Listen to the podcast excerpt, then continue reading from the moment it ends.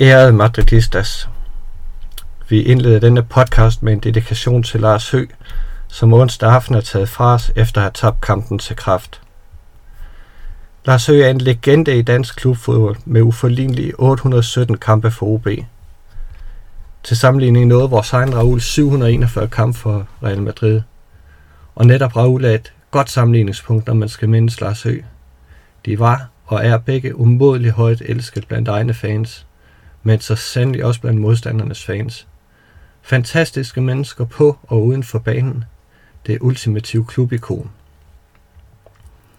Det finder man ud af i dag, hvor man går rundt i en boble og skal finde ud af med sig selv, at Lars Høgh ikke længere er blandt os. De mange hilsner på de sociale medier, som strømmer ind fra hele landet, vidner om, at vi har at gøre med et helt specielt menneske. Som madridistas har vi også Lars Høgh tæt ind på livet, og vi husker nok VM-kampen i Mexico, hvor El Bruto scorede fire mål mod ham og Danmark i 1986, og igen otte år senere, hvor han var med til at skabe miraklet i Madrid, da OB slog Real Madrid med 0-2 på Estadio Santiago Bernabeu. Jeg er vokset op med OB og Lars Høgh, og jeg har dette særlige minde om ham. Vi skal tilbage til 1990'erne, hvor OB spillede på det lille og intime Lyngby Stadion, hvor man kunne høre alt, hvad spillerne råbte til hinanden. Lars Høgh dirigerede højligt sit hold, da en Lyngby-tilhænger med et grin råber. Så hold dog kæft, Lars Høgh. Lars Høgh griber den hurtigt og råber griner på syngende fyns tilbage. Hold dog kæft, sal. Alle brød sammen af grin, og det var med til at gøre den her kamp til et helt særligt minde. Jeg synes, det indrammer så fint, hvor elsket Lars Høgh var på de danske stadions, og hvilket samspil han også kunne have med tilskuerne, som elsker ham, og han elskede dem. Lars Høgh, Tusind tak for alle minderne, som var med til at skabe min barndom og ungdom.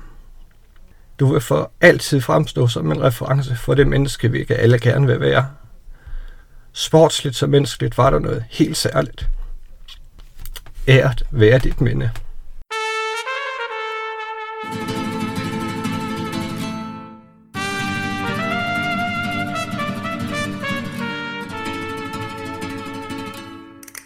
Ærede lyttere, det er fredag, i hvert fald for jer, og endnu en perfekt uge set med Real Madrid-briller passerer forbi i La Liga og i Champions League. Jeg har derfor inviteret et par kompetente stemmer inden for vores virtuelle univers for at dykke ned i de bedste temaer for ugen, der er gået. Det er Christian Hansen, og det er Malte Bosen. Velkommen til. Tak. Tak. Christian, sådan lige indledningsvis, øh, hvordan, hvordan har den seneste uge været for dig som øh, Real Madrid-fan øh, på jobbet?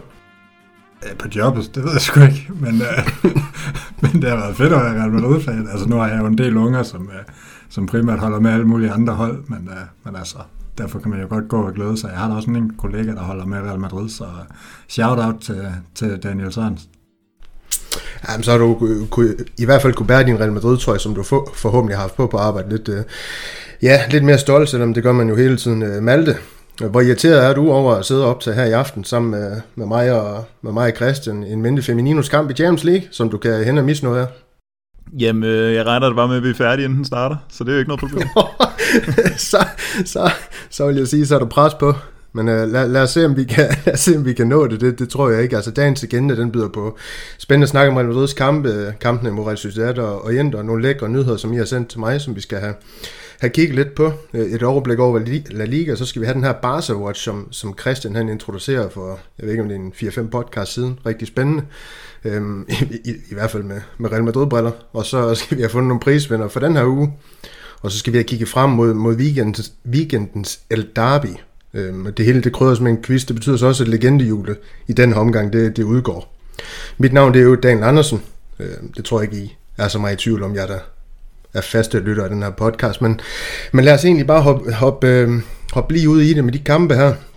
Vi starter med Real Sociedad-kampen. Øh, sådan lige for at få formalia på plads, så starter vi i det, vi vel godt kan kalde Once de Gala øh, med Courtois, Cabral, Militao, Alaba, Mandi, og så Casemiro, Modric og Kroos på midtbanen, Rodrigo, Vinicius og Benzema. Øh, en lille sidenote til det, det er jo, at Jovis han kom ind efter de her 17 minutter, fordi Benzema han er nødt til at og, og gå ud med den bitte skade, han pådrog sig, der heldigvis ikke skulle, skulle være så slem igen. Målscoren i kampen, det blev, øh, vi vinder 2-0, det blev Øh, Vinicius, der åbnede bag efter 47 minutter. Øh, når 1-2-kombination med, med Jovic efter fuldt en stensæk afslutning, og så udbygge Jovic så, så føring efter 10 minutter til 2-0. Nej, undskyld, 10 minutter senere i det 57. 20. minut til 2-0, der så også blev kampen slutresultat. Rigtig, rigtig flot angribermål af, af, af serbiske, ja, jeg vil ikke sige store talent længere, men i hvert fald vores ser, serbiske reserveangriber. Øhm, en lille note, det er Real Madrid, de havde styr på kampen. Gutterne gjorde det fint, et par enkelte spillere stod ud her under Jovic, Militao og Vini, dem kommer vi måske lidt mere ind på, og så fik man distanceret Real Sociedad i kampen om det spanske mesterskab, så vi nu har et forspring, eller Real Madrid har et forspring med 10 point ned til baskerne. Christian, du, øh, du får lov til at åbne ball. Vi kommer ikke sådan til at gå slavisk igennem kampen, nu har jeg fornævnt en del af det. Du har jeg sådan noteret mig også, elsker, elsker statistik, ligesom jeg gør. Øh, Malte, han smed, øh, smed badebolden efter Casemiro. Øh, eller han nævnte i hvert fald ham som spiller, der kunne have fået den. Nu skal jeg nok være sød ved dig, Malte, nu når vi er on øh, Husgård, de havde ham på, på ugens hold i Liga øh, for sin kamp mod, øh, mod Real Sociedad. Altså, var der noget, vi overså på, på Casemiros kamp? Jeg ved ikke, om du har været nede og dykke lidt ned i statistikkerne, eller du noterede der noget for kampen? Ej, jeg tror med, skal man sige, det var nemt at lade sig forblinde af, at han var tæt på at tage et gult kort med henblik på den næste kamp, og det kan vi jo også godt kritisere ham, og jeg, at, altså, det var også sådan, jeg læser Maltes kritik af ham lidt, at, at det var unødigt, at han skulle bringe sig i de situationer, han skulle, og det kan man jo godt vælge at kritisere ham for, det kan vi også kritisere ham for på den lange bane. Jeg vil omvendt også rose ham en lille smule for måske at være Europas bedste spiller til at undgå gule og røde kort i forhold til, hvordan han spiller. Jeg ved ikke, jeg ved ikke hvad det er, han har på de spanske og europæiske dommer, men han har en eller anden evne til, altså, jeg ved ikke, om han når at råbe undskyld, inden han takler, eller hvad fanden det er, fordi det er som om, han bare, han bare undgår ja, 80% af de kort, han i virkeligheden skal have. Øhm, men altså, det sagt, så synes jeg jo, altså der er jo ingen finger at sætte på indsatsen. Han har ikke de der, de der mega usikre afleveringer, vi tidligere har set. Og jeg synes egentlig, det gælder både den her kamp og også, øh, og også kampen mod Inter, at, at Casemiro ligner lidt mere sig selv, lidt mere den her sikre. Jeg, jeg tror, jeg mindes en dårlig aflevering den sidste uge. Det, det skal være tilladt som defensiv midtbanespiller. Men han kommer imellem mere, han flagrer ikke helt så meget, og han, jeg synes faktisk også, at han vinder flere luftdueller, også op omkring feltet. Øhm, så jeg synes egentlig, det har været en rigtig, rigtig stærk uge, og så må vi jo bare sige, at altså, vinderen har altid ret. Han undgik det her gule kort, han spillede lige til grænsen, og, øh, og, og man kunne ikke mærke på den defensive midtbane, at, øh, at vi spillede med en, der skulle undgå et gult kort, og det var jo et eller andet sted også en vigtig ting imod Sociedad. Så kan vi jo altid kritisere, om vi havde, eller diskutere, om vi havde haft en anden holdning, hvis han havde fået det, men altså faktum er, at det gjorde han ikke, og, og da han gik ud efter en time, der stod der 2-0, så det er svært at, jeg synes, det er svært at skyde noget i skoen på ham. Han, han gjorde det formidabelt. Ja, det, det kan du have ganske ret i. Kommentatorerne mener jeg, det var altså ham der, er det, hvad han hedder, er det Jan Mikkelsen, eller hvad han hedder? Han, han, han mente i hvert fald, Jakob, han mente i hvert fald et par gange i løbet af kampen, Casemiro, han måske skulle have haft en ostemad, men uh, man vil også se de bedste spillere, spillere i El Derby, og dem er Casemiro, når han rammer dagen, jo, jo stadig en af uh, den bedste position, når han er på niveau. Øhm, jeg kan tilføje, at han havde tre taklinger, så tre, du, du snakker om de her luftdueller, dem havde han også tre, og han vinder ikke også. Så egentlig ganske, ganske hederlig indsats, og indsats af vores, øh, vores øh, brasilianske terrier i den kamp. Malte, du, øh, du valgte at gå med Jovic som kampen spiller.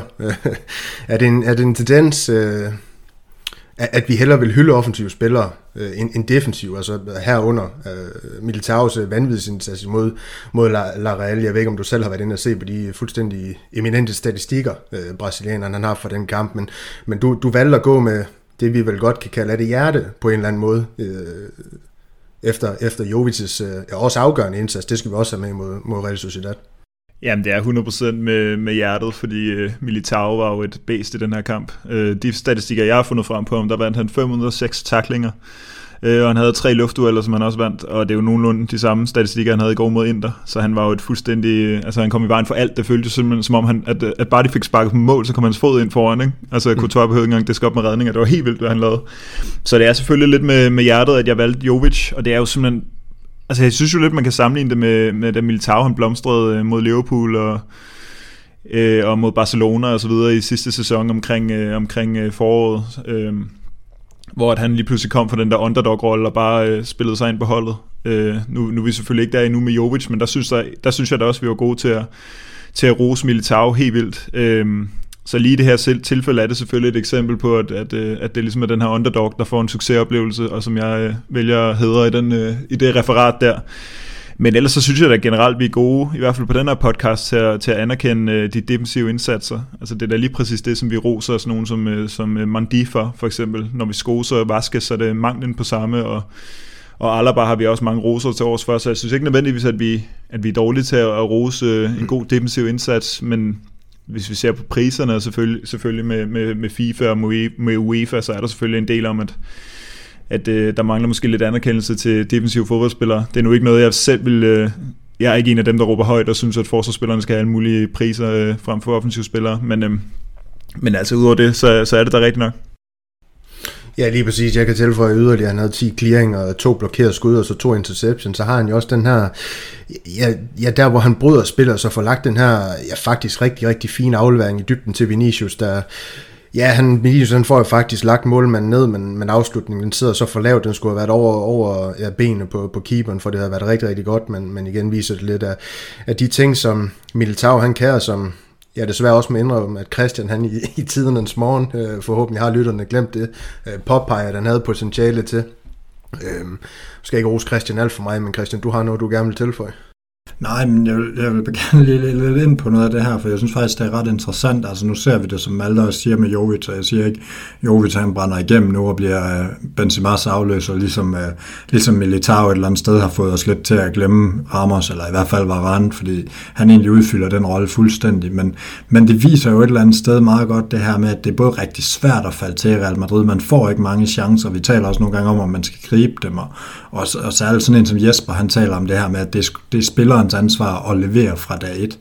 Men, men jeg synes måske også, at, at vi som fans, og, og i virkeligheden også de trænere, sådan, der er omkring klubben, måske også netop bør have lidt længere snor til nogle af de nye. Øh, fordi det er bare svært at falde til. Det tager nogle gange tid, og vi kan se, at de her spillere, jamen de er jo faktisk klar til at levere, om ikke på højeste niveau, så i hvert fald har de været klar tidligere, end de har fået en ordentlig chance til at levere. Øh, og hvis man kiggede på mange af de tilfælde, der var både omkring Militao og, og, og Jovic også, jamen, de har jo egentlig ikke gjort det katastrofalt. Jovic, han har, altså jeg tror ikke, jeg kan huske en spiller i Real Madrid-tiden, der på sine afslutninger har ramt stolpe så ofte. Øhm, og, og hvad skal man sige, det, det er jo bare udtur. Han har jo egentlig også en okay afslutning mod Inter, som, som så går i sidenettet, og nu der sidder vi jo og trækker lidt på skuldrene, fordi vi så, hvor godt det gik kampen inden. Men havde det været for et halvt år siden, så havde vi sagt, at han skal ud igen. Og, og det er lidt det samme med Militao, altså han blev også skrevet ud til alt muligt, men, men hvis man ser, hvordan han spillede i, i de her perioder, hvor det ikke gik så godt for Real Madrid, jamen det var jo samme måde, han spillede på. Han er jo heldig at få et rødt kort i en situation, hvor holdet sælger ham. Han er, altså, han er jo heldig at, at, at, at falde på nogle tidspunkter, som ender med at koste noget, men det er jo virkelig den samme måde, han spiller på nu, hvor han går til den og, og ender med, i stedet for at trække et rødt kort, ikke? hvor tidligere der havde han måske fået, fået et gult kort selv, uden at der havde været den der. Altså, så det, det er marginaler, og der synes jeg, man skal blive bedre til at kigge på, hvad er det årsagen er til, at spillere ikke leverer. Altså selvfølgelig, vi er, vi er ved at være i en situation med Hazard, hvor ham skal vi nok ikke regne med, at han kommer tilbage på grund af alle skaderne, men og Mariano synes jeg også skal afskrives, fordi han er simpelthen for dårlig taktisk, og han står for ofte åndssvagt placeret og sådan noget.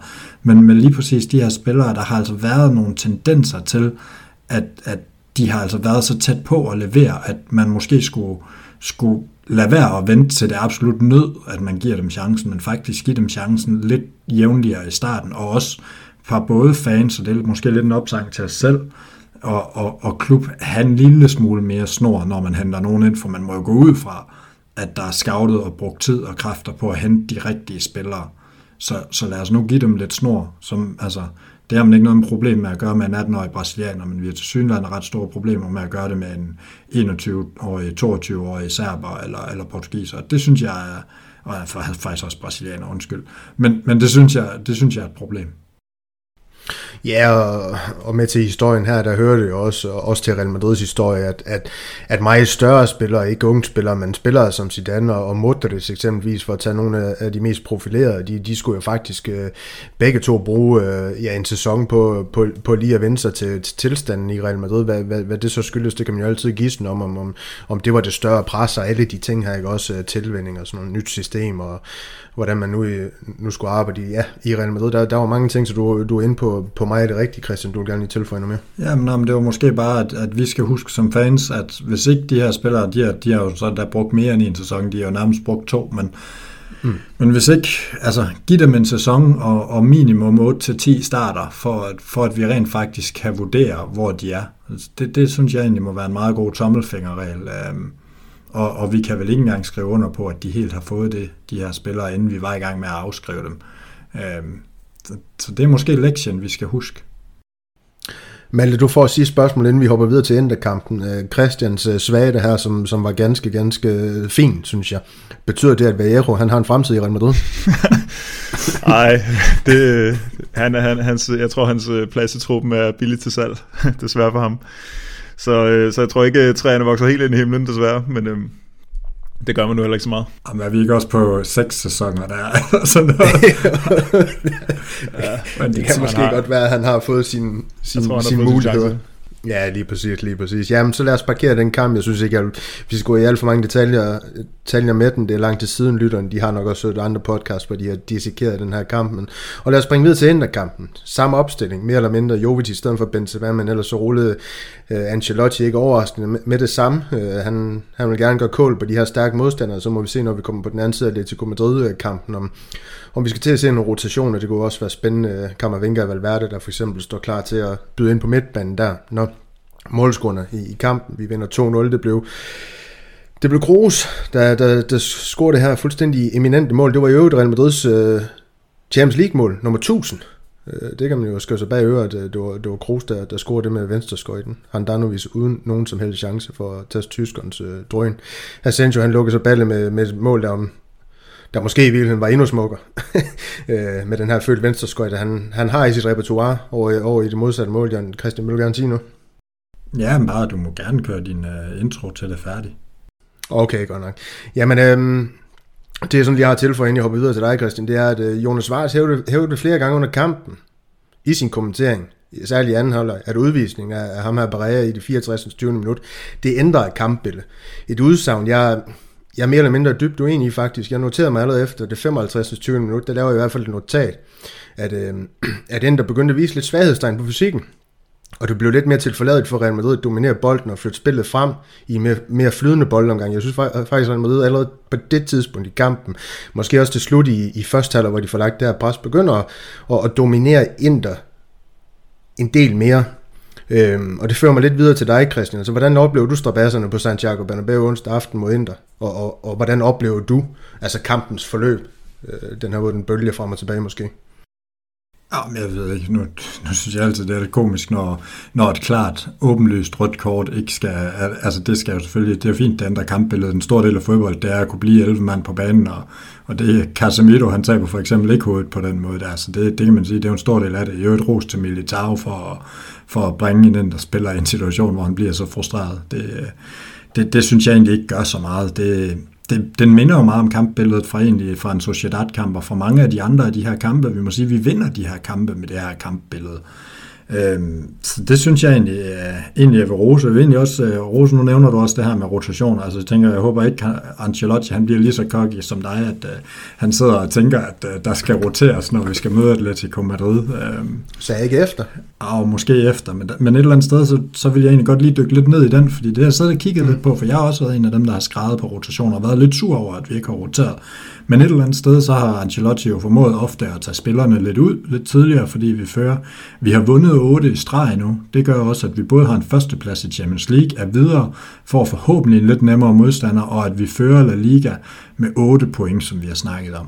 Øhm, derudover så er der altså en automatisk uges pause efter Atletico. Hvis man kigger ind i det efter Inter-kampen i går, så er, det faktisk, øh, så er der faktisk 11 dage, hvor der ligger én kamp. Så kommer der så godt nok øh, lige et par kampe mod Cardis og, og Bilbao inden, øh, inden en kort julepause.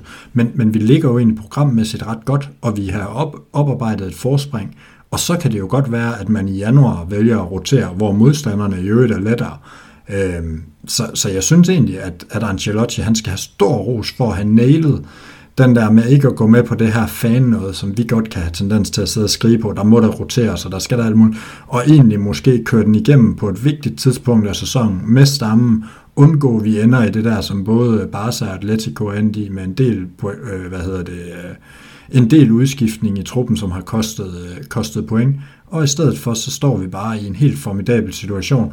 Og så kan det jo godt være, at vi laver en, øh, en Zidane i februar og, og marts, og kan køre nærmest et A-hold i Champions League og et B-hold i, øh, i La Liga, fordi vi er foran med 14-15 point, kunne det måske endda se ud til. Så altså, jeg må bare tage hatten af for, for Ancelottis arbejde det her efterår. Det, det er, det er godt nok med marginaler, men, øh, men det er altså ikke, øh, det er ikke helt tilfældigt, at vi fører La Liga så stort. Nej, og en lille sidebemærkning til det arbejde, Ancelotti han, han har lavet i Real Madrid, så vi måske også kan komme, komme nærmere ind på i, i, i senere podcast, hvor vi skal se tilbage på efteråret. Men altså, det hører så også med, at vi mistede Ramos og Varane. Det er Alaba og Militao, der har været inde og tage over. Ingen offensive forstærkninger. Han har fået Vinicius til at blomster på en eller anden måde. Benzema han fortsætter selvfølgelig bare sit store spil. Ingen offensiv forstærkninger, mere eller mindre samme hold sit andet han har, og det er jo bare et helt andet udtryk. Offensivt, sprudlende, mange mål. Øh, lidt det, at nogen af os i, i panelet eller på podcasten her havde forventet inden, øh, inden sæsonen, men det var bare spændende at se, hvad en, en ja, måske i virkeligheden endnu dygtigere træner, uden at, uden at tage noget for sit men med, med, med, men med, øh, hvordan man altså, arbejder med en trup øh, med den her slags spillere, kan, kan få ud af et materiale. Øh, jeg ved ikke, om du er enig med det, med, med, med de her tanker, Christian han, han især har om, om Ancelotti. Jamen, jeg har jo ikke, jeg, jeg har faktisk været enig i stort set alt, hvad, hvad Christian har sagt indtil videre, så der er ikke kommet så meget øh, debat ud Fed af det. Podcast.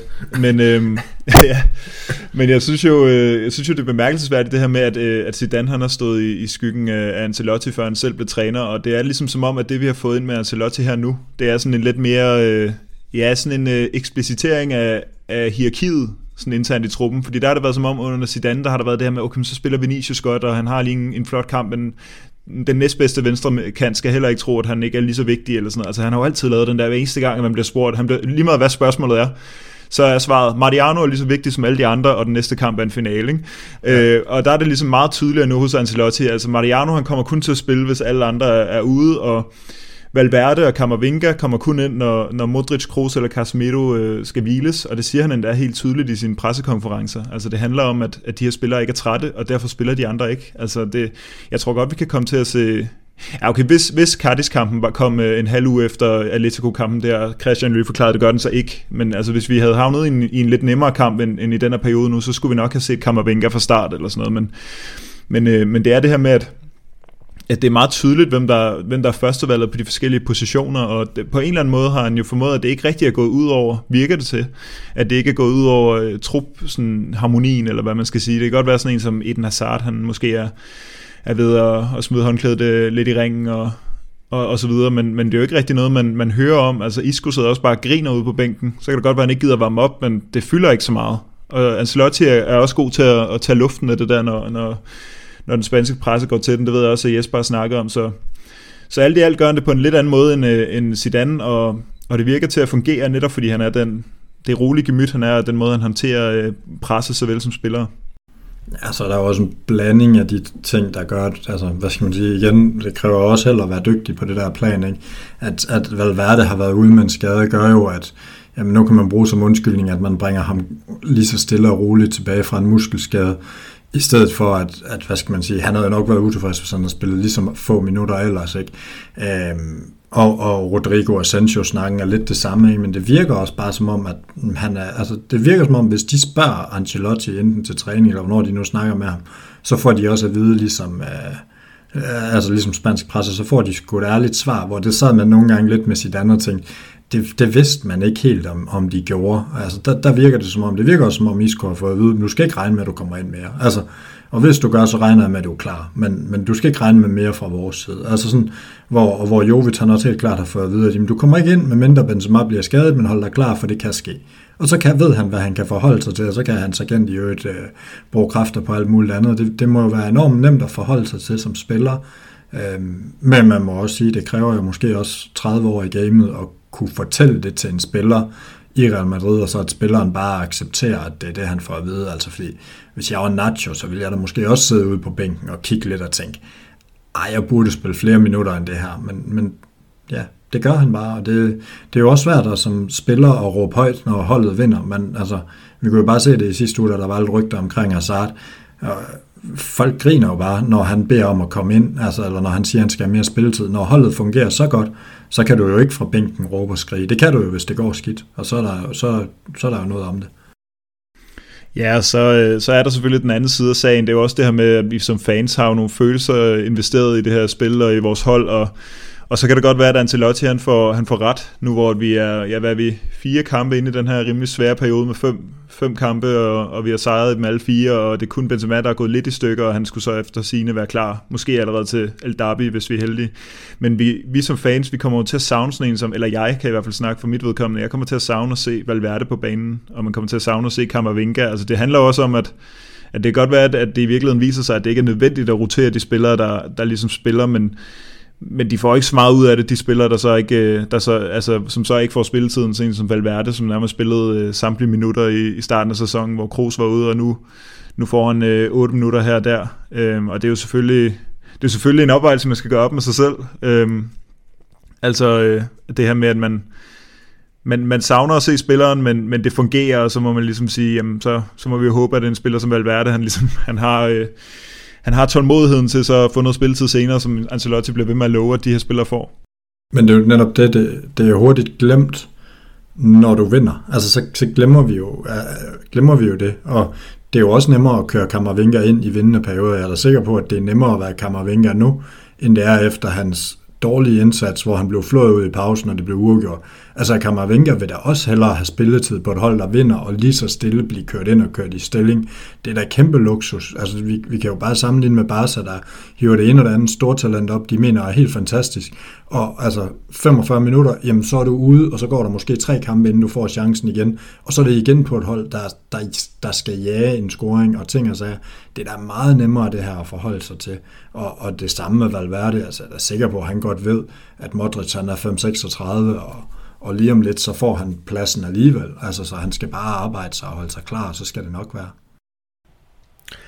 Ja, og så er I to vist færdige med at underminere min værtshold. Enter.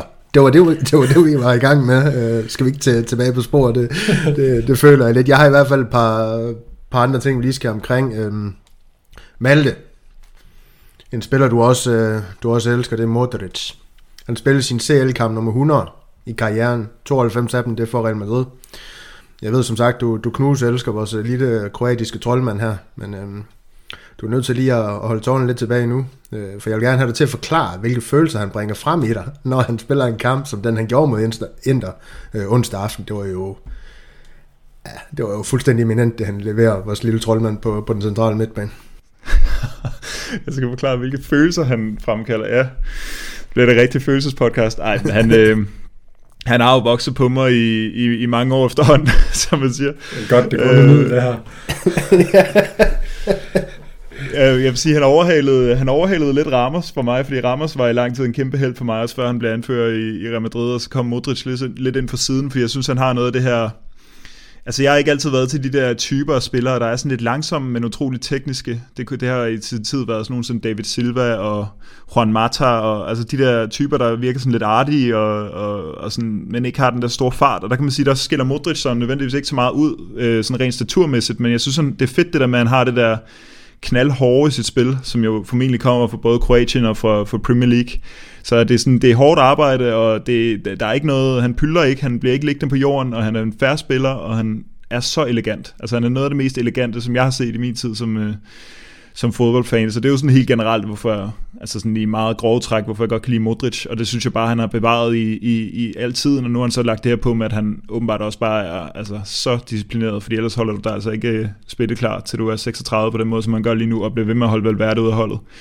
Øhm, og i går var han jo, øhm, imod Inter var han jo Altså han havde, han havde så, så, gode, så mange gode situationer i første halvleg, og han er jo så afgørende for, at, at Real Madrid kan spille sig ud af det her pres sammen med, sammen med Kroos, fordi det, og der synes jeg godt, man nogle gange kunne mærke, at Benzema manglede lidt, fordi det er ligesom de her, ja, hvad kalder man det på engelsk, press resistance, eller sådan noget, de, de har de her spillere, at de kan, de kan undgå presset og, og få spillet holdet sådan lidt i ro, øh, og det gjorde Modric også meget i første halvleg.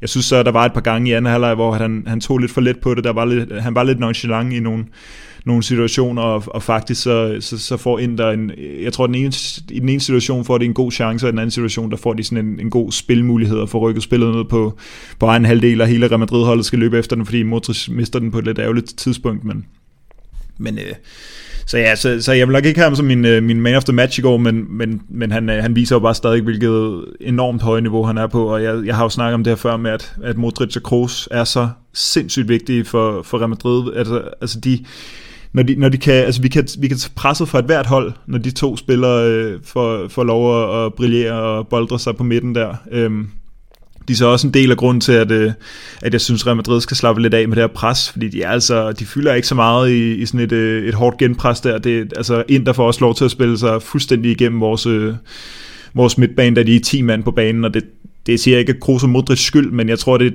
der er en grund til, at, at øh, Real Madrid ikke kan anlægge sådan et, et helt altså gennemtænkt presspil, som vi bare skal køre hele sæsonen igennem med, fordi det dur ikke i alle kampe med, med Modric og Kroos, øh, og Casemiro kan jo heller ikke bare bruges op, hvis han er de to, der er liggende på hver sin side, men øh, ja, det kan være, at vi kommer lidt ind på det, på det senere også.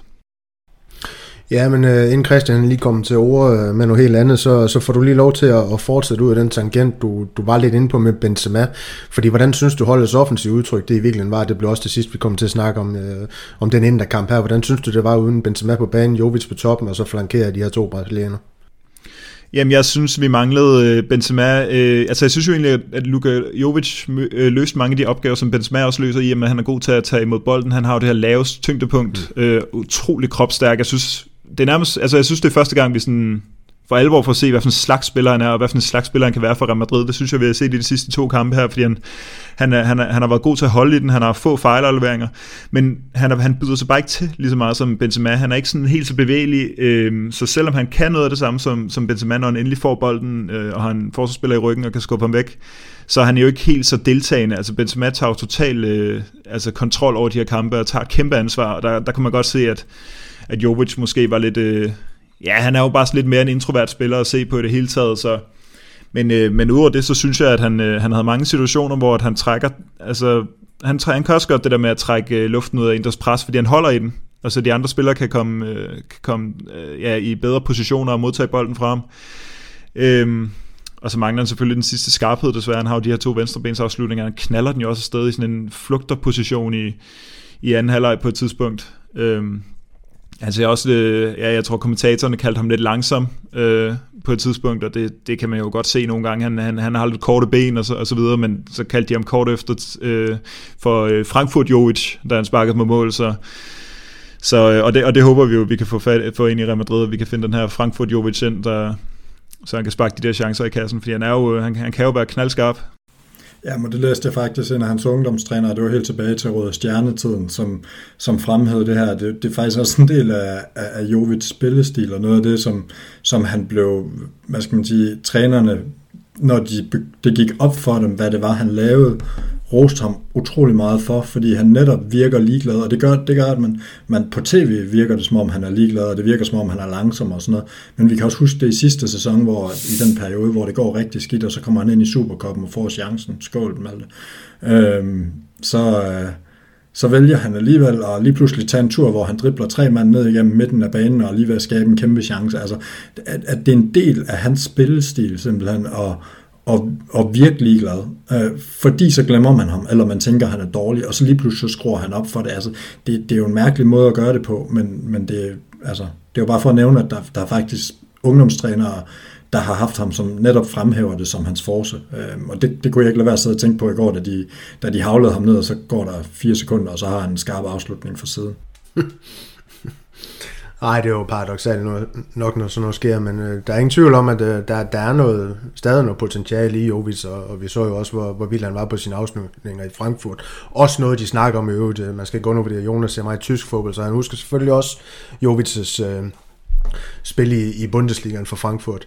Men øh, lad os parkere Inter, lad os parkere Real Sociedad, dem fik vi, snak, øh, dem fik vi talt godt ned, og vi kommer også på, på afvej, i hvert fald en enkelt eller to gange, tak for det gutter. Men øh, tilbage på spor, vi skal lige have evalueret lidt på den her Champions League-gruppe, hvor vi ender på førstepladsen med, med 15 point, målscore på 14-3, øh, Benzema topscore for Real Madrid indtil videre med 5 basser, og Vinicius den mest assisterende med, med 3 assist. Vi taber en enkelt kamp, det var den her til Sheriff, men ellers så gør vi så rent bord mod de andre hold. Vi havde måske lidt svært mod Inter på udebane, men, men vi får sejren, og så ender det jo med en ganske sikker sejr over, over ja, det, det stærkeste hold uover os selv i, i puljen på, på hjemmebane. Øh, vi kommer ikke til at dvæle alt for meget ved, hvem vi eventuelt kan komme til at trække her i 8. finalen, fordi ligesom vi sidder og optager her onsdag aften, der har vi ikke den fjerneste idé om, hvem der bliver officielt tor i de forskellige puljer. Men øh, Malte, hvis du lige sådan får lov til at lægge ud med en, med en kort analyse af, af Real Madrid skolespil, hvad, hvad, hvad har det så været for en, for en oplevelse? Jamen, altså den korte analyse er jo bare, det, at det, det, har været, øh, det har været sikkert ud over den der mærkelige, mærkelige kamp på hjemmebane mod, øh, mod Sheriff, så har det bare været altså, stensikkert, vi har slået ind der to gange for, for andet års streg, og det er smukt. Det er altså ikke et, øh, det er et rimelig formstærkt interhold, der jeg tror ikke, de har tabt i 11 kampe eller sådan noget i serie, og de har indhentet Napoli og Milan lynhurtigt, så, så vi gjorde øh, godt kål på, på et rigtig stærkt hold i, i Europa, som, øh, og jeg tror, vi kan møde øh, nemmere modstandere end Inter i 8. finalen. Altså det har været rigtig godt for os at blive nummer et, så så alt i alt har jeg været øh, er egentlig opmuntret og, og ja, optimistiske for, at vi i hvert fald kommer i, i kvartfinalen. Sidder du med, med samme fornemmelse, Christian? Ja, det, det gør jeg egentlig, og så vil, så vil jeg også godt sådan lidt i forhold til det her med gruppespillet, for man kan nemt, man kan nemt sidde og kritisere det lidt, men der vil jeg gerne øh, henvise til sidste uges podcast, hvor, hvor Malte og Niklas meget grundigt gik i, gik i dybden med, hvorfor, hvorfor det her sheriff, øh, hvad skal man sige, pointtab eller nederlag, det ikke var så katastrofalt, som, øh, som det måske blev gjort til, for det synes jeg egentlig, det var måske det, der var et ved. Det var den upser, der var. Øh, men, men nu, øh, nu er det ligesom om, nu kører det bare på skinner, og, og, og helt fortjent, vi bliver etter i puljen. Vi var, jo, vi var jo det bedste hold, det viser vi i går helt tydeligt. Ja, den fik de i hvert fald pakket godt ind med at kalde det et freak-resultat, og det tror jeg egentlig, de, de holdt fast ved allerede fra, fra, fra nedtakten første gang mod Sheriff Tiraspol, hvor vi taber ja, 2-1 på, på hjemmebane. Øhm, så godt analyseret frem alt det, det kan du få ros på, det gider jeg ikke ros øh, Niklas for her. Øhm, Ancelotti, han nævnte på pressemødet, øh, at det her kan du uh, få lov til at starte ud forud for kampen mod Inter, at Real Madrids ambition. Simpelthen, det er en CL-finalen, Det er i hvert fald det, han selv drømmer om. Han siger selvfølgelig de, de rigtige ting, vores kære italienske træner. Det, det er jo det, han kan min, min ambition inden, øh, inden den her podcast, det var egentlig, at jeg skulle være det gemmeren for at finde jeres forudsigelser om Real Madrid's øh, CL-eventyr, men så vidt jeg husker, jeg kan ikke huske, om Christian han var vært på, på den snak, men Malte, havde du, havde du ikke spået Real Madrid til at gå til kvartfinalen som det maksimale? Jeg, jeg tror, jeg havde dem til, til semifinalen i sin tid.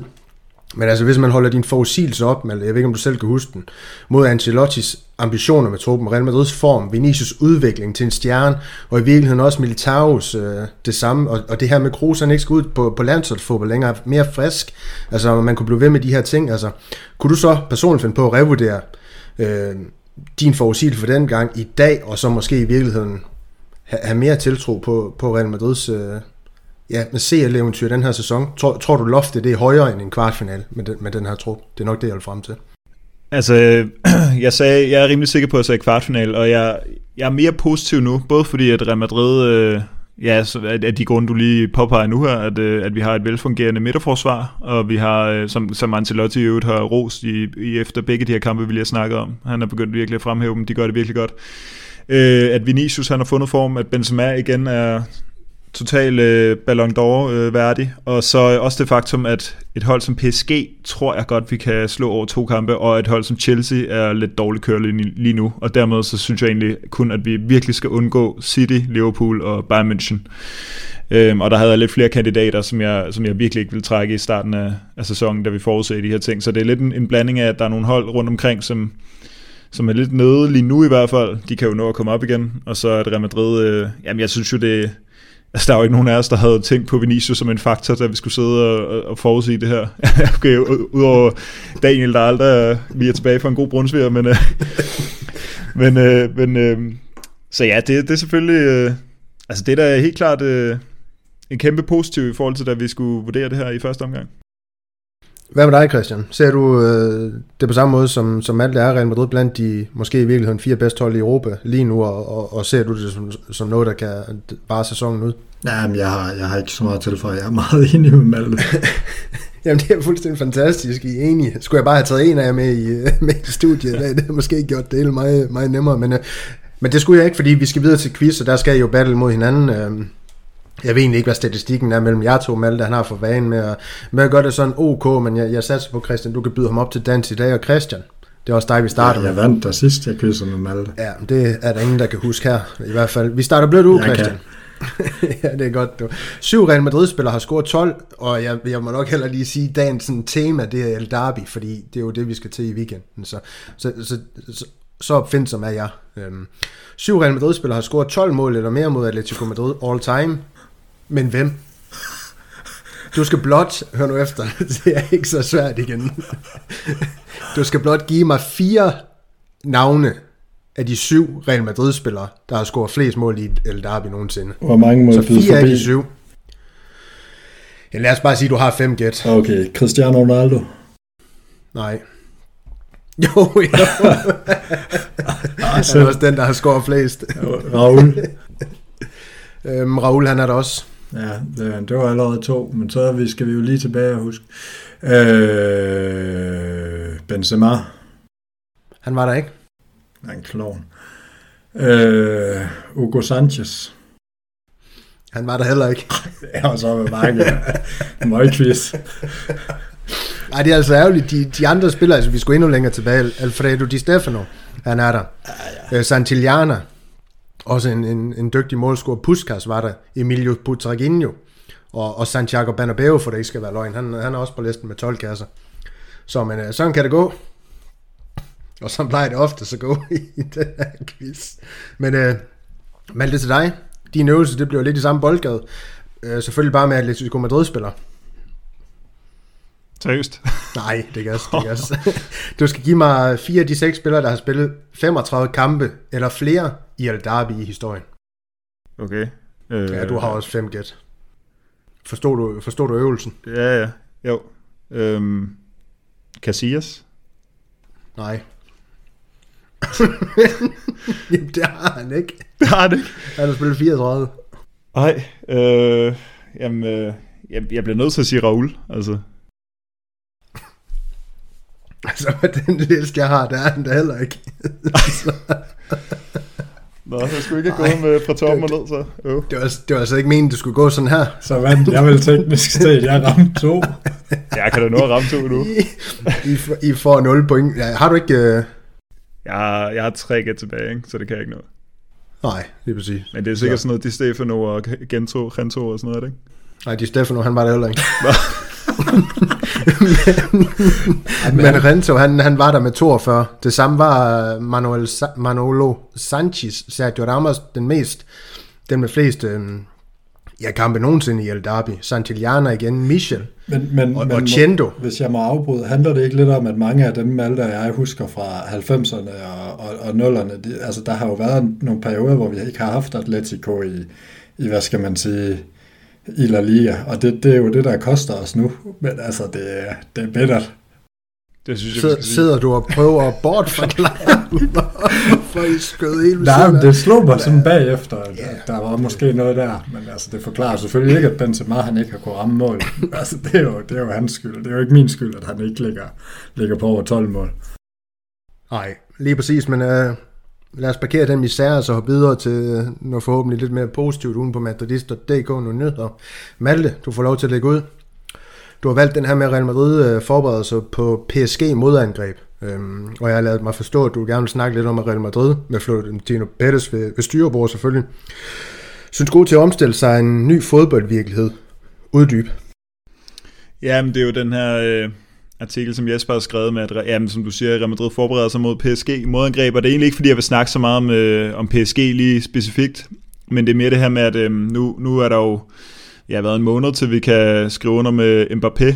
Ikke at vi finder ud af det på det tidspunkt, det tror jeg nu ikke, men, øh, men det er ligesom den her måde, som, øh, som Real Madrid har været god til at omstille sig til den her nye fodboldvirkelighed, hvor at vi er gode til at sikre de her spillere, der har kontraktudløb om, om et halvt år, eller om et år, eller næste år. Ikke? Altså, der har jo både været øh, Hazard, det gik så helt galt, det kunne vi ikke have forudset. Courtois, vi har hentet Alaba, øhm, og det synes jeg bare, altså det, det virker som om, at det, det, er sådan noget, det er sådan noget, man, behøver, man begynder at blive nødt til at tænke i, når de her klubber de bliver så sindssygt rige, at det bare, de, de kan bare afvise de her, de her bud, som Real Madrid smider. For eksempel øh, Mbappé, som øh, Jesper også skriver i artiklen, som vi smed 200 efter, øh, og som de bare ignorerer. Øh, fordi, ja, penge er ikke noget. Så, så der blev vi nødt til at hente den, når, øh, når, øh, når kontraktet udløber. Det er lidt ligesom i cyklingens verden egentlig, hvor, hvor, hvor man skriver under med de her, de her, de her øh, ja, spillere er det så i fodboldens verden sjov nok, når, når kontrakterne udløber, og, og samtidig så skriver Jesper det her med, at vi har givet nogle øh, frikøbsklausuler til, til Castilla-spillere. Det gælder så Marvin, Arribas, Blanco, Gutierrez, øhm, og der er også rygter om, at vi skal have nogle nye fede kontrakter til Vinicius, Rodrigo og Militao. Fordi det er ligesom måden, man kommer ud af det her på, det er, at vi, vi henter spillere, der, der har snart har kontraktudløb, som klubberne bliver nødt til at sælge til en pris, som vi kan være med på. Ellers også henter vi dem bare helt gratis, samtidig med, at vi forsikrer os, at der ikke er andre klubber, som for eksempel Newcastle, der også bare er så rige nu, ikke? Altså, og bare kommer og aktiverer den der frikøbs, frikøbsklausul ligesom da Barcelona, eller da, ja, da Barcelona mistede Neymar til PSG. Så der, øh, der synes jeg, at øh, Real Madrid, ja, vi kan da godt sige øh, Pérez, hvis vi skal fremhæve ham, øh, har været forudseende, og har, øh, ja, altså det, i forhold til, øh, at vi ikke kan, kan hamle op øh, rent pengemæssigt, så synes jeg bare, at han har placeret os på en, øh, en rigtig god position sådan i, i fodboldverdenen i dag, øh, og det, øh, det vil jeg egentlig bare honorere. Ja, og til lytterne, så kan vi informere, at uh, Malte han stiller tilbage til Daniel, lige da Daniel, han, uh, han har åbnet munden og kørt lidt, uh, lidt godt ind, så det, uh, det er rigtig godt, Daniel. Du kan det er meget svært at ramme det tidspunkt, hvor han ikke... ja, så for lige at opsummere, så, så kalder du faktisk bare Florentino Perez for et geni, og det synes jeg jo, det er fuldstændig fremragende. Og det kan jeg jo lave som overlag til, til dig, Christian, med din nyhed, fordi, øh, eller det, det ved jeg faktisk ikke, om jeg kan, fordi jeg ved ikke, om Varane han er et geni. Øh, du har valgt den her med, at Varane han udtaler sig om, at Real Madrids tilhænger kræver altid mere. Og du ved selvfølgelig bedre end mig, hvorfor du har valgt at hive det her lille interview med, med Varane i dagens podcast. Forklar. Jamen, det er jo egentlig bare, fordi nu er Jesper her ikke til at sige det, men, øh, men Jesper plejer jo altid at have ret travlt med, at alle andre klubber, det er mindre klubber, og så er der Real Madrid, som er noget ekstraordinært, og her viser, han, viser var han jo egentlig ret godt, at, at spille i United, der, der er til synligheden ikke de helt store forventninger, og det, det er der nok en god grund til, men, øh, men, men det er der i Real Madrid, og han, han fortæller også det her interview, at øh, da man vandt en Champions League, så, så var det okay, men, men så var forventningen egentlig bare, at man vandt den næste, og, og, og det er jo sådan en kultur, som vi andre nogle gange godt kan, kan synes, man har som, som faner, og det er en del af Real Madrids DNA, men, men det er jo lidt interessant, det kommer fra spillerne, og de faktisk kan mærke det. Altså, det er noget af det, jeg altid har lyst til at spørge tidligere Real Madrid-spillere om, og, og sådan, hvis, man, hvis man nogensinde er så heldig at møde dem. Men det er, det er, hvad er det, der er anderledes ved Real Madrid end alle andre klubber, og det, det sætter Varane jo lidt ord på her. Jeg synes, jeg synes egentlig bare, det er en lidt sjov, lidt, lidt kuriøs øh, ting at sige. Øh, på en eller anden måde, så ville jeg nok også sidde som United-fan, hvis jeg, hvis jeg havde overtaget ham, og han sagde det der, så ville jeg nok tænke, øh, et, okay, han er der nok mest for pengene, og to, hvad fanden er det for en klub, jeg selv er fan af, hvor der, hvor der ikke er forventninger. Men, men altså, det, det må de jo ligge overhovedet med. Der er til synligheden ikke nogen, der har taget på vej over det her, så, øh, så det kan vi jo kun glæde os over. Det understreger jo måske meget godt, at Real Madrid bare er lidt den ekstraordinære klub. Ja, det afspejler sig også i, i flest uh, La Liga-titler, kan man sige, og flest uh, Champions League-titler. Der, man hviler ikke på, på lavbæren i den, i den spanske hovedstad, i hvert fald ikke i den hvide del af, af hovedstaden, så kan vi snakke om den anden del på, på et andet tidspunkt. Øhm, for eksempel nu, hvor vi skal til anden del af quizzen. Så må vi håbe, I heller ikke øh, hviler på, på lavbæren. Ja, vi skal jo igennem det her smertehelvede. I kommer igennem quiz, altså det skal bare med at få, få skidt og overstået, Christian. Er I klar? Ja. Nej. Det bliver nok gang tættest på. Så der er en eller anden, der, er en eller anden, der får point den her gang. øhm, og det er jo stadig i det her El Derby-univers. 206 kampe i historien mellem de to klubber jævnfører transfermarkt opløsninger. Real Madrid har vundet 106 gange, men hvor mange mål har Los Blancos scoret all time mod Atletico Madrid? Og det er altså den, der er tættest på, der vinder. Hvem, hvem, hvem, hvem tør at lægge for? Det kan jeg da godt. Øhm, du siger 106 sejre på 206 kampe. Men lad os sige, øh, jeg skød jo håbløst langt over sidst, kan jeg huske. Så lad os sige... Øh, ja. Yeah. Altså det er under 600. Det er under 600, okay. Tak for ledetråden. Så siger jeg... Øh, så siger jeg 315. Hold kæft, du er en idiot, Malte. Ja, nå, så jeg sad faktisk og tænkte, at jeg ville gætte på 314. Det kan jeg jo nemt sige, men det gør jeg. 314. Jamen, øh, så kan jeg sige, at øh, pointet det går til, til Malte, fordi du skulle være på den anden side af 315, Christian. Det var 360, vi skulle have fat i. Mål Real Madrid, de har scoret i historien mod Atletico Madrid, og Malte han nikker som om, at øh, han havde fat i en lang det havde han selvfølgelig ikke, fordi han var, han var alligevel 45 fra. Christian kun 46, men 46, det, det, var, det var for mig i det tilfælde her. Christian 1-0 til Malte, og det betyder så også, at der Ja, det ved jeg sgu ikke. Vi skal have fundet en vinder til sidst, så det må jeg lige finde ud af, hvordan vi skal stable på benene. Men øh, lad os bare sige, at den der, der gætter rigtigt til sidst, vinder quizzen. Det må jo være sådan, det bliver. Anyways, videre til næste punkt på dagsordenen, som er La Liga. Og så skal jeg jo til at finde resultaterne frem. Det er jo fuldstændig fremragende. Øhm, fredag, den 3. december må det blive, der mødte Granada. Alaves vandt 2-1 på hjemmebane. Sevilla de slog på hjemmebane Villarreal med 1-0. Barcelona tabte øh, ikke ret overraskende på hjemmebane 1-0 til Real Betis. Atletico Madrid tabte til Mallorca på hjemmebane 2-1. Og så har vi været forbi Real Madrid sejr over Real Sociedad. Rayo Vallecano vinder hjemme 1-0 over Espanyol. Elche 3-1 hjemme over Cadiz. 0-0 mellem Levante og Osasuna. Valencia på udebane vinder 2-1 over Celta Vigo. Og så slår, eller så, så spiller Getafe Athletic Klub 0-0 i sidste kamp i den her runde. Skal vi have den her Barca Watch, som vi har rullet ud? Altså Barcelona, 23 point nu, 16 point op til, til førstepladsen, hvor ja, Real Madrid jo sjovt nok ligger. Eller ikke sjovt nok, det er jo faktisk lidt ikke overraskende. Og 15 point ned til, til sidstpladsen i La Liga, det kan man jo ja, lige tygt lidt ekstra på. Det er jo, ja, det er jo faktisk ganske sjovt. Øh, men kun 11 point ned til Cardis på 18. pladsen, altså, og, og dermed også nedrykningsdrengen. Herudover har katalanerne, katalanerne 6 point op til henholdsvis Atletico Madrid og Real Sociedad, der deler den her fjerde plads i Liga med, med 29 point. Og når den her podcast rammer jeres øregang øh, fredag morgen, kan Xavi og company også være ekspederet ud af Champions League, øh, og det kan man jo, ja, jeg ved ikke om det er noget, man krydser fingre for, men det kunne da være sjovt at se dem i Europa League, hvis det overhovedet bliver til det. Barcelona de skal meget nå at klemme balleren sammen, hvis de skal få et eller andet positivt ud af, af den her sæson. Altså, man lige for hurtigt at købe en kommentar på, på det her Barcelona-mandskab. Altså, ser du dem overhovedet få noget ud af den her sæson? Ser du dem som Champions League-hold til, til næste sæson, for eksempel? Mm. Jeg ved godt, det er tidligt med sådan nogle ting her, men man er også nødt til at sætte det lidt på spidsen. Men... Altså, jeg vil, jeg vil, jeg vil skulle sige, lige, i øjeblikket her, der uh, tror jeg måske, den der top 4, vi fik den talt ind i i starten af sæsonen, det kunne godt uh, være at skyde lidt over målet. Altså, jeg, jeg har svært ved at se... Ja, eller jeg er ikke svært ved at se det, men jeg, altså, Sociedad synes jeg, der ser altså, sådan sundere ud, så ligner et sundere hold på en eller anden måde, og, og det er jo ikke kun Sociedad, de skal vælte pinden. Lige nu er de jo også øh, fire point efter Rayo, øh, godt nok med en kamp mindre, og Betis ligger jo helt op i, til Champions League-pladserne lige nu, og Sevilla Atletico er jeg temmelig sikker på kommer ind der, så så altså få noget ud af den her sæson, altså i forhold til de fire trænere i øst og vest for at få nye trænere ind, der åbenbart skal lave om på det hele med fuldstændig det samme øh, latterlige spilmateriale, så, øh, så, øh, så tror jeg også, de, altså jeg tror heller ikke, at de gør sig selv en tjeneste på den måde, og så, øh, så tror jeg egentlig ikke, at, øh, at den der Champions League, altså det, det bliver jeg ikke gætte på lige nu, at de kommer i, i Champions League næste år. Nej, super fint. Øh, et gæt, jeg håber, der, der holder stik selvfølgelig. Og, og lad os parkere det med La Liga og så hoppe videre, fordi at, øh, tiden den begynder at, jeg ved ikke om den begynder at overskride noget som helst, men øh, Femininos kamp, den er i hvert fald gået i gang med, og øh, jeg kan se, at dine øjne de flakker også lidt, så det kan jo være, at du har den på skærmen et eller andet sted. Men lad os hoppe videre til de her ugepriser, vi skal have, have delt ud, og lad os starte med lavpunkterne. Der har jeg valgt ikke at, at tilføje noget i den her omgang, men uh, Christian, du kan få lov til at lægge ud med det, du har, har valgt, og det, uh, vi skal have fat i en brasilianer, der spiller i tysk fodbold. Ja, Reinier.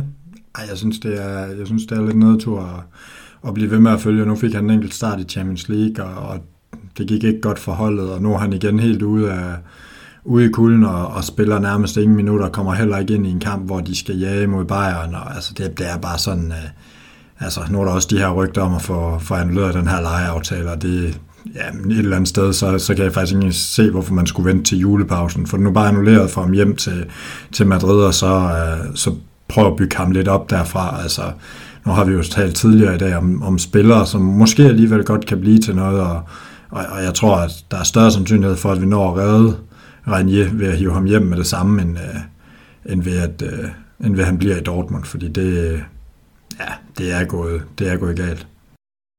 Ja, lige præcis, men heldigvis så har han jo ikke øh, skulle bevise sig i Real Madrid endnu, og, og der har vi jo allerede snakket om, at det kan godt tage to år, så han kan jo få to år i Real Madrid til også at, og se, om man kan slå igennem, men må ikke, at det bliver til et lejehop.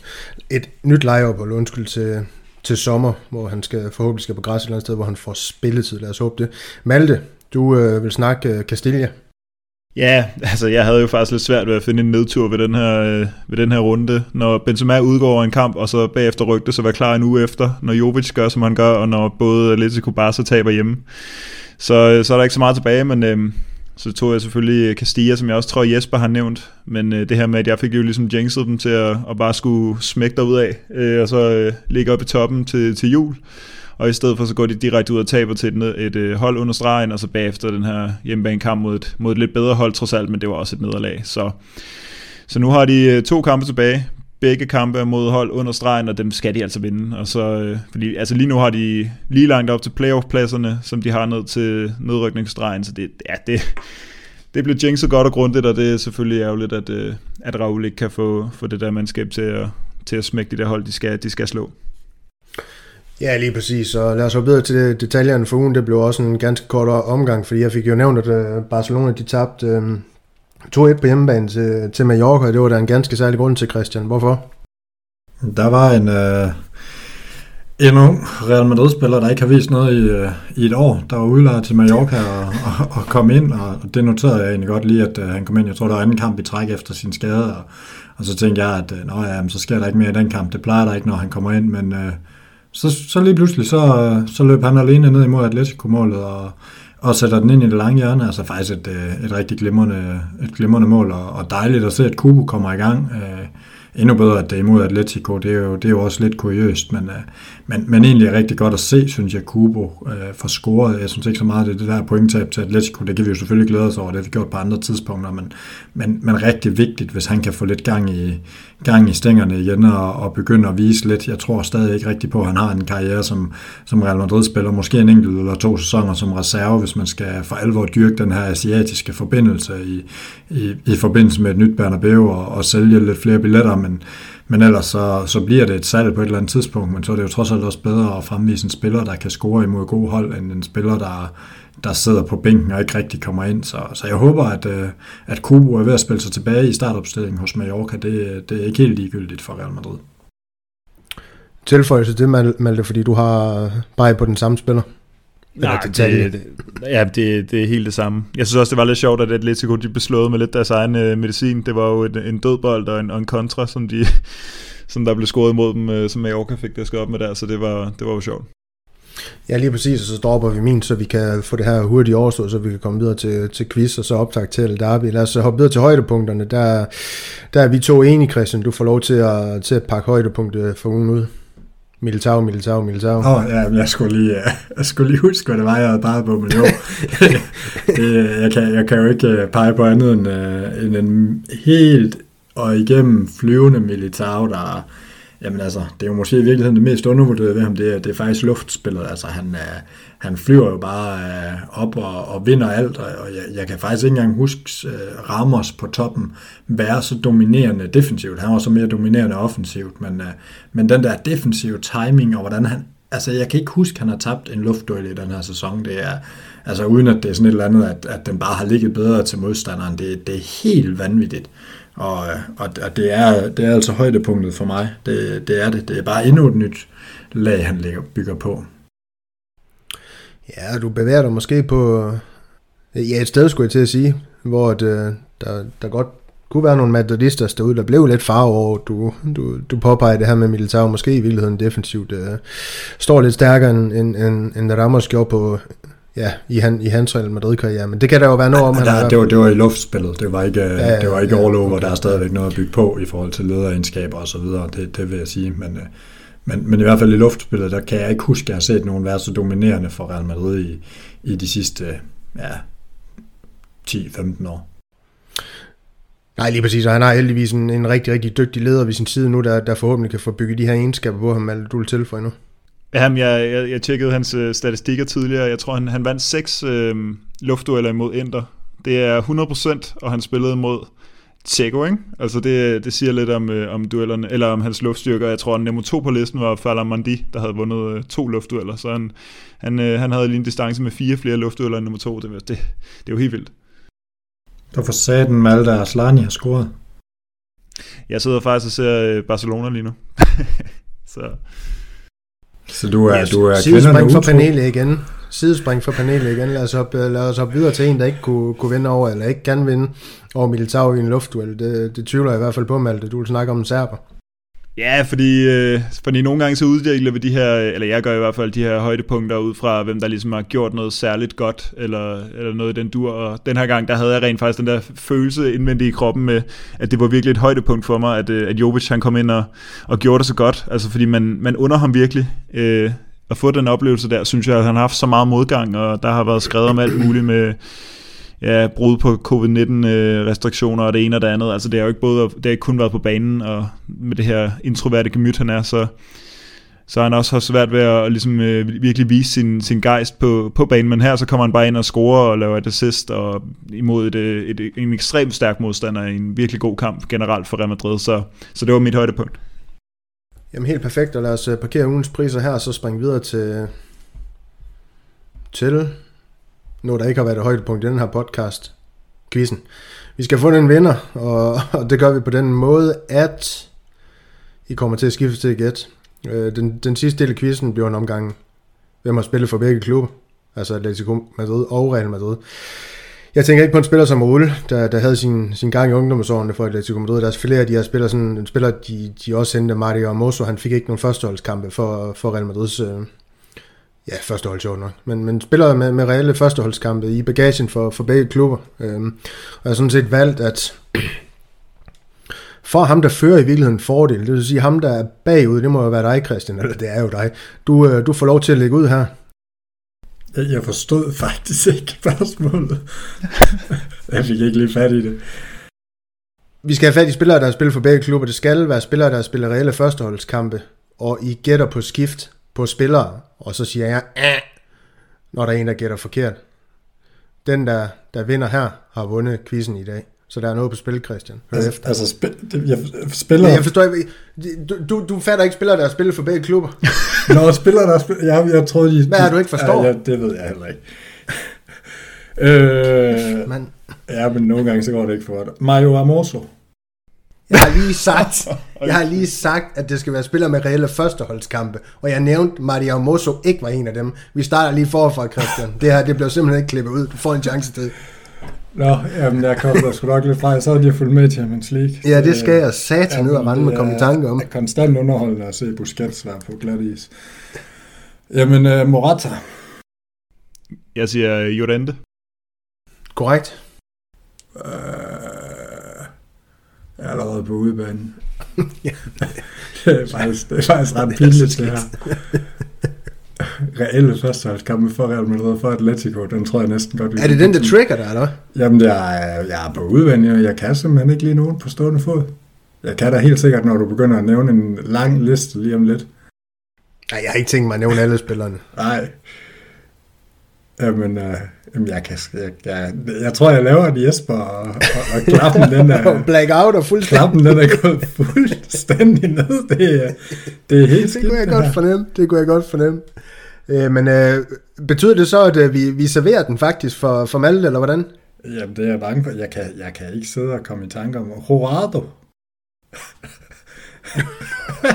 det, det er altså, du hiver den, øh, du hiver den øh, op for gemmeren, vil jeg sige. Han, han fik, øh, han fik øh, tre førsteholdskampe for Real Madrid, 88 for, for Atletico Madrid, så han er på listen. Det var allerede med med... Men næste gang, så får du ikke så lang tid Ej, det er også betænkningstid, det vil færdigt. jeg altså bare sige. tænker imens. Ja, det er godt. Jeg siger øh, Antonio Ardan. Ja, han, han fik i hvert fald øh, førsteholdskampe for Real Madrid også i, i tiden under. Var det ikke Mourinho, der havde ham foran. Castillo? Eller Castillo, hold kæft. Casillas. Jo, så fik han kun to førsteholdskampe for Atletico Madrid. Så det, men han, han har spillet for begge klubber, det er rigtigt. Ja, så tror jeg, vi giver den til Malte, det der. Jeg, jeg kan sgu ikke... øh, Jeg ved ikke, hvor Horado han kom fra. Det synes jeg i sig selv næsten burde give et point. ja, men det, men det kan vi godt sige, det gør, fordi Malte han ender med at vinde alligevel. Øhm, tillykke med sejren, Malte. Altså en spiller som Thibaut Courtois, Åh oh, ja, selvfølgelig. ah, den en spiller som, bare lige for at nævne de mest sådan åbenlyse, en spiller som Theo Hernandez, der. Jeg spiller forstår som stadig ikke, at Juan Horado Fran. ikke var den mest åbenlyse. Men En spiller som Juan Fran, Santiago Solari, Reyes har også været forbi begge klubber og spille en Bernd Schuster, Hugo Sanchez Christian, som du har nævnt i podcasten her. Øhm, og så er der en masse, masse ældre spillere, men det betyder ikke så meget for, for quizens udfald. Desværre for dig, Christian. Godt for dig, Malte. Jeg synes jo ikke, det, det er overraskende. Men øh, tillykke med sejren. Tillykke med alt det. Tak. Hold nu kæft med at være en, med en god taber, Christian. Det var da, det var da træls at høre på, men øh, der er ikke nogen gode taber i weekenden, når Atletico Madrid og, og Real Madrid de skal møde hinanden. Vi skal lige have bagt op til, til den her kamp på, på en eller anden måde. Der er jo ja, i virkeligheden mest på spil for Atletico Madrid og Real Madrid. De kan jo godt nøjes med, med, med et point i den her kamp, og så stadig ligge godt til kampen om, om det spanske mesterskab, så man stadig være 10 point foran. Øh, ja, det vi vil godt i den her sæson kan tillade os at kalde lille søster for, for at provokere lidt og, og, og tire dem, der, der ikke kan lide det, det udtryk. Men Christian, øh, jeg har ligesom bedt dig om at, at, at kigge på Atletico Madrids svagheder, hvor Real Madrid kan, kan gøre ondt på dem via, via egne styrker. Kan du ikke lige prøve at forklare lidt om det? Jamen, jeg synes faktisk lige nu, der er, der er Atletico Madrids helt store svaghed. Det er, den ligger altså i deres skader. Altså, vi har tidligere snakket om, hvem Real Madrid skal undvære til de her kampe, og, og Atletico Madrid, det er altså voldsomt, hvad de, øh, hvad de må undvære til, til næste kamp. Jeg, jeg så et tweet i går, jeg kan ikke huske, hvem, det, hvem alle navnene var, men det var, det var Jimenez, det var Savic, det var Trippier, det var, det var Luis Suarez, for at nævne nogle af dem, og det er jo, det er jo nøglespillere alle sammen. Det, det er dem, der binder det sammen defensivt. Det er, det er deres højre kant, som, som skal komme med frem og, og slå indlæggene, og det er egentlig også ham, der scorede flest mål i sidste sæson, så, så det er jo voldsomt folk at skulle mangle, øhm, og det, det synes jeg er deres svaghed. Det har også været svært at se Atletico Madrid i en rytme i den her sæson, så tidligere har vi jo ville tale om, at det var deres arbejdsomhed, at, at det var deres målfejlighed, at det, altså på få chancer, at, at det var deres uhyggelige defensiv, men, men vi har jo ikke set det i den her sæson. Vi, altså, de har jo været tæt på lige så ustabile som bare sig. Øhm, og, og altså, det, det, er jo, det er jo det, der gør det svært for dem. Det, jeg kan simpelthen ikke pege på, hvad det skulle være ved Atletico Madrid, der, der gør, at vi skal frygte dem. Altså for, for set fra min vinkel er Sociedad for eksempel lige nu et langt mere homogent hold. Et interhold, der kommer med fem sejre i bagagen, er også langt mere homogent end, end det, vi kommer til at møde i weekenden. Men så er der jo bare noget, der hedder passion og vilje, og, og det kommer vi til at møde, og det er, jo, det er jo spørgsmålet, om de måske kan nedbryde os lidt på den, hvor vi trods alt har et par, par fysisk lidt svage kanter i, i, i, hvad hedder det, Rodrigo og Vinicius, altså i, i forhold til, at de er lidt kleine og måske har lidt svært ved, at, ved at der bliver gået til den i taklingerne for alvor. Men, men ellers så har jeg svært ved at se, hvor det er, at Atletico er bedre end os lige nu. Ja, og i forhold til svagheder, så er jeg bedt om at og kigge lidt på, hvor Real Madrid de skal være opmærksom, måske endda på passelig i kampen, i forhold til ikke at ja, ende, i, ende i nederlag mod, mod Atletico Madrid. Hvor, hvor kan de uh, gå ind på os? Jamen, jeg, jeg synes egentlig, at det er lidt i forlængelse af, hvad Christian siger, at vi, altså, det er lidt sådan noget floskel noget med, at vi skal lade være med at undervurdere Atletico, fordi, øhm, ja, fordi er, er de samme grunde, altså, at det, at det er jo ikke fordi Atletico har været sindssygt imponerende i den her sæson. Øhm, til gengæld har Real Madrid øh, vundet mange store kampe her på det seneste, men i hvert fald imod Inter, øh, Atletico Klub og mod Sevilla, der har vi lukket rigtig mange chancer ind. Øh, og det skal vi jo lade være med at gøre mod Atletico, fordi øh, det kan altså ikke gå for evigt, det der med, at modstanderholdene får så mange chancer for at score mål, og så ikke gør det.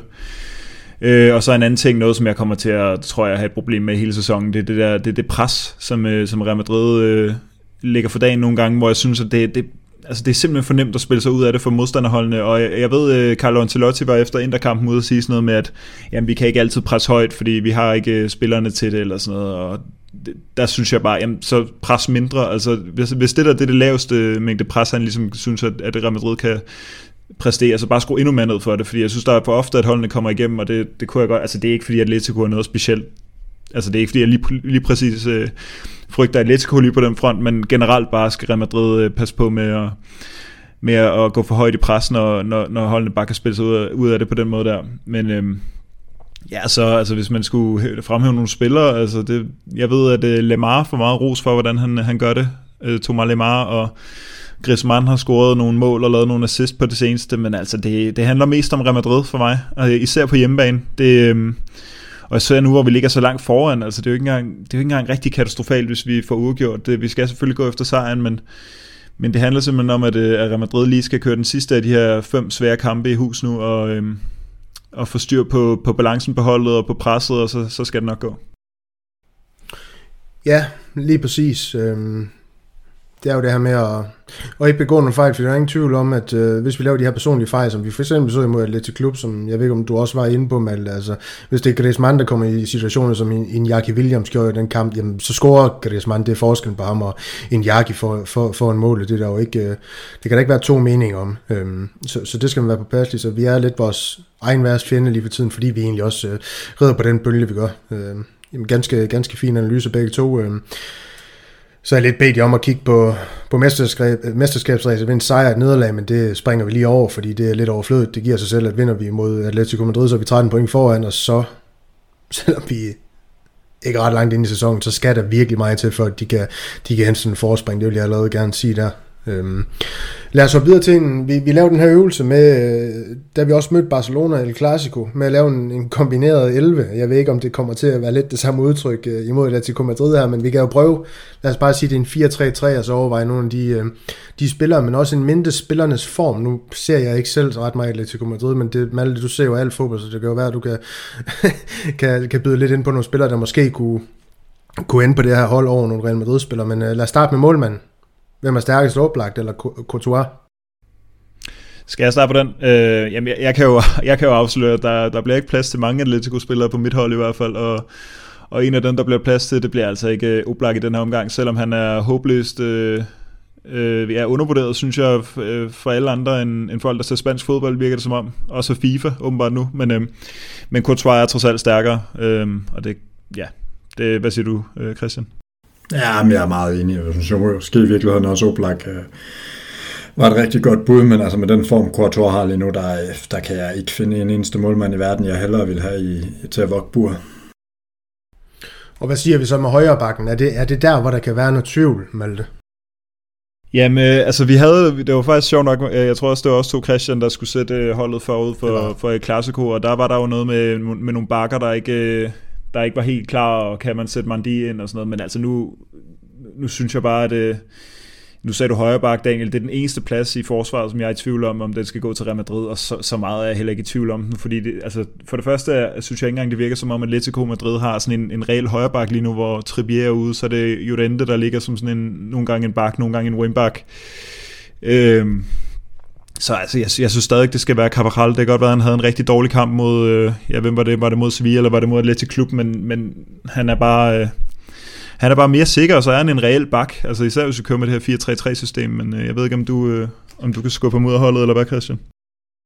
Jamen, øh, ja, det, det, er måske her, hvor jeg vil, øh, jeg vil ødelægge lejen lidt for Daniel og, og, og skyde lidt på, på præmissen, for det her det bliver svært, fordi Atletico spiller jo langt mere 3-5-2 eller, eller 5-3-2. Det var med Barcelona, ja. Øh, og, og, og det gør jo systemmæssigt, at det er lidt svært det her, fordi det, det er klart, at, øh, at lige på, på, på den her position, er der ikke nogen tvivl om, selv hvis det var en wingback, så vil jeg også hellere have Cabral. Øh, men, men altså, det, det gør det jo lidt svært. Det gør det jo også lidt svært, når vi kommer ind på, på hvad skal man sige, det centrale forsvar, fordi de har lidt nogle roller, de, de Atletico-spillere, der er. Så er der jo bare det, at, at måske nogle af de her, som egentlig kunne komme på tale, Trippier, Jimenez, Savic, altså hvis jeg kigger på deres niveau, øh, uden skader, så, så er det måske nogle af dem, jeg vil pege på, men, men det er jo svært at pege på nogen nu, udover den bagkæde, vi har, der hedder, der hedder Mangdi, Militao, Alaba og, og Cavaral. Altså det, det er det er jo creme eller creme, og det er jo, det er jo måske i virkeligheden, når vi pegede på mange offensive og mange midtbanespillere, men det er måske netop den her bagkæde sammen med Courtois, der har, der, der faktisk er årsagen til, at vi ligger nummer et. Det er jo helt vildt, hvor få mål vi har lukket ind. Ja, lige præcis. Det, er jo, det plejer jo faktisk at være kendetegn at Atletico Madrid. De også har en, en rigtig stærk øh, defensiv blok. Øh, det, Diego Simeone, han plejer at praktisere, men der er slet ikke nogen af de her centrale forsvarsspillere, de har, der kan, eller det er der jo ikke, byde, byde øh, Alaba Militao op til dans, øh, Malte. Øh, og hvis du også skal spekulere over den her vensterbak, for lige at tage alle sammen med. Jamen ja, nej, det synes jeg ikke. Altså især ikke, altså nu er vi også heldige, at vi snakker på et tidspunkt, hvor Militao han åbenbart bare altså, fuldstændig fænomenal, ikke? og Alaba synes jeg heller ikke, man kan komme udenom. Altså, Jimenez har haft nogle skader, og sådan, det er også Jimenez, jeg nok ville pege på, hvis det endelig var. Jeg synes ikke, Savic han er helt deroppe, men øh, ja, jeg synes ikke, der er så meget, altså, jeg synes ikke, der er så meget at diskutere her. Vi er, det kan godt være, at vi bliver beskyldt for at være partiske her, og jeg synes også, øh, Mandi er fuldstændig umulig at komme udenom, når han, øh, når han, nu hvor han er tilbage i, i form. Altså, det, det er Real Madrids bagkæde, der er den stærkeste, kombineret også.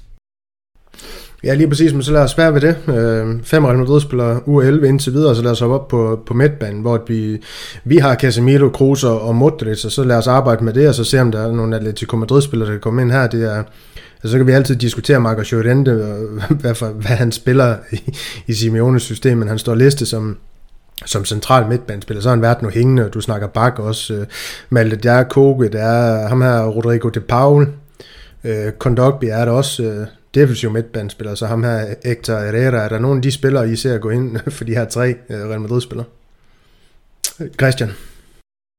Nej, det ved jeg ikke. Altså, så skulle det jo nok være en, øh, en Marcos Llorente, ikke, som, som, som tilbyder lidt noget af det, vi også ser i, i Valverde normalt. Øhm, at, altså den her, der kommer mere med i boksen og, og, og tilbyder noget andet energi. Øhm, han kunne måske godt komme på tale. Øhm, og så, så kan man også sige, hvis, hvis det skulle være, så, så kunne man måske også godt, nu har vi været, været efter Casemiro i løbet af den her sæson, og, og, og peget på, at han faktisk har været et af de svage punkter for Real Madrid. Man kan sige, hvis vi skal være tro imod det, vi har gjort på alle de andre positioner, så vil jeg jo nok sige, at, at hvis vi kigger isoleret på den her sæson, så, øh, så kunne jeg måske godt smide en Rodrigo de Paul ind som, øh, som den defensive midtbanespiller øh, til, at, til, at, til at rydde op i forhold til, til det. Altså, men han er jo også bare mere offensiv i, i sit udtryk, end, end, end, hvad skal man sige, dem der ellers er. Og en Koke har jo faktisk været lidt ud af, ud af Atleticos hold. Og igen, så kommer det også her på tale, at de har jo ikke brug for den her opbryder, som Real Madrid har, fordi de spiller med tre nede bagved, og derfor har brug for, eller egentlig kan spille med to-tre dynamiske midtbandspillere. Øhm, så, så, så jeg synes, det er svært, men altså hvis det skulle være, og man måske bare skulle kigge på sæson, og ikke så meget på, positionerne, men have tre midtbanespillere centralt i banen, så tror jeg, jeg vil sige, at de tre bedste i den her sæson er dem, der bliver nævnt, det må være øh, Kroos, Modric, og så, øh, og så gå med Marcos Llorente. Det må, være, det må være den færre måde at løse det her på. Men, men det er jo velvidende, at, at de tre jo ikke ville tuplere hinanden super godt sådan spillermæssigt.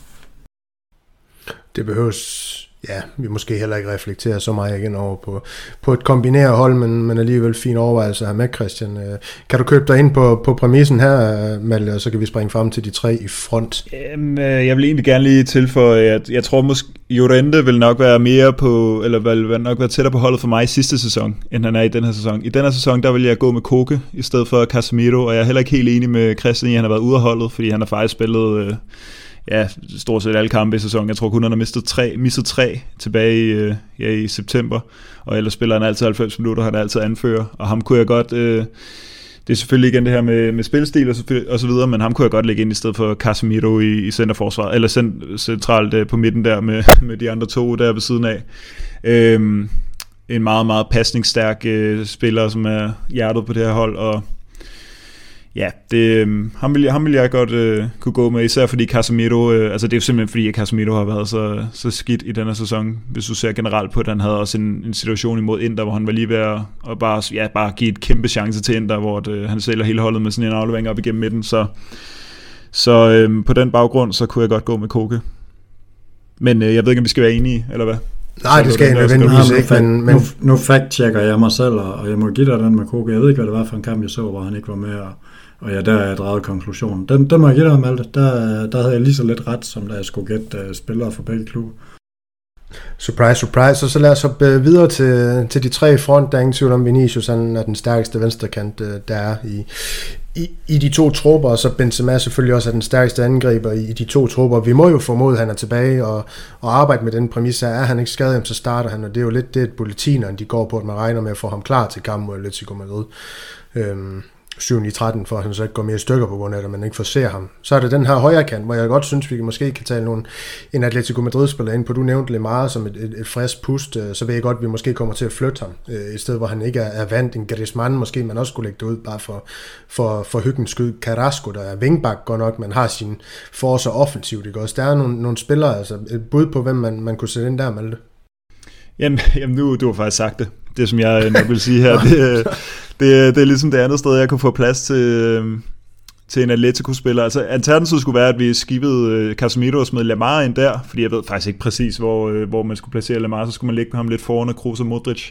Men øh, hvis vi skal have en reel højre, højre kant, så kunne det godt være Lamar. Jeg ved ikke, hvor meget han har spillet derude præcis, men det kunne også være Correa, Det kunne være ja. Griezmann, hvis han skulle have chancen derude, fordi han lige er kommet lidt ind i, i målform. Øhm, men jeg er faktisk ikke helt, øh, jeg synes ikke rigtig, jeg har fået det overblik over præcis, hvem det er, øh, Atletico altid bruger derude. Jeg tror, det var Korea i går.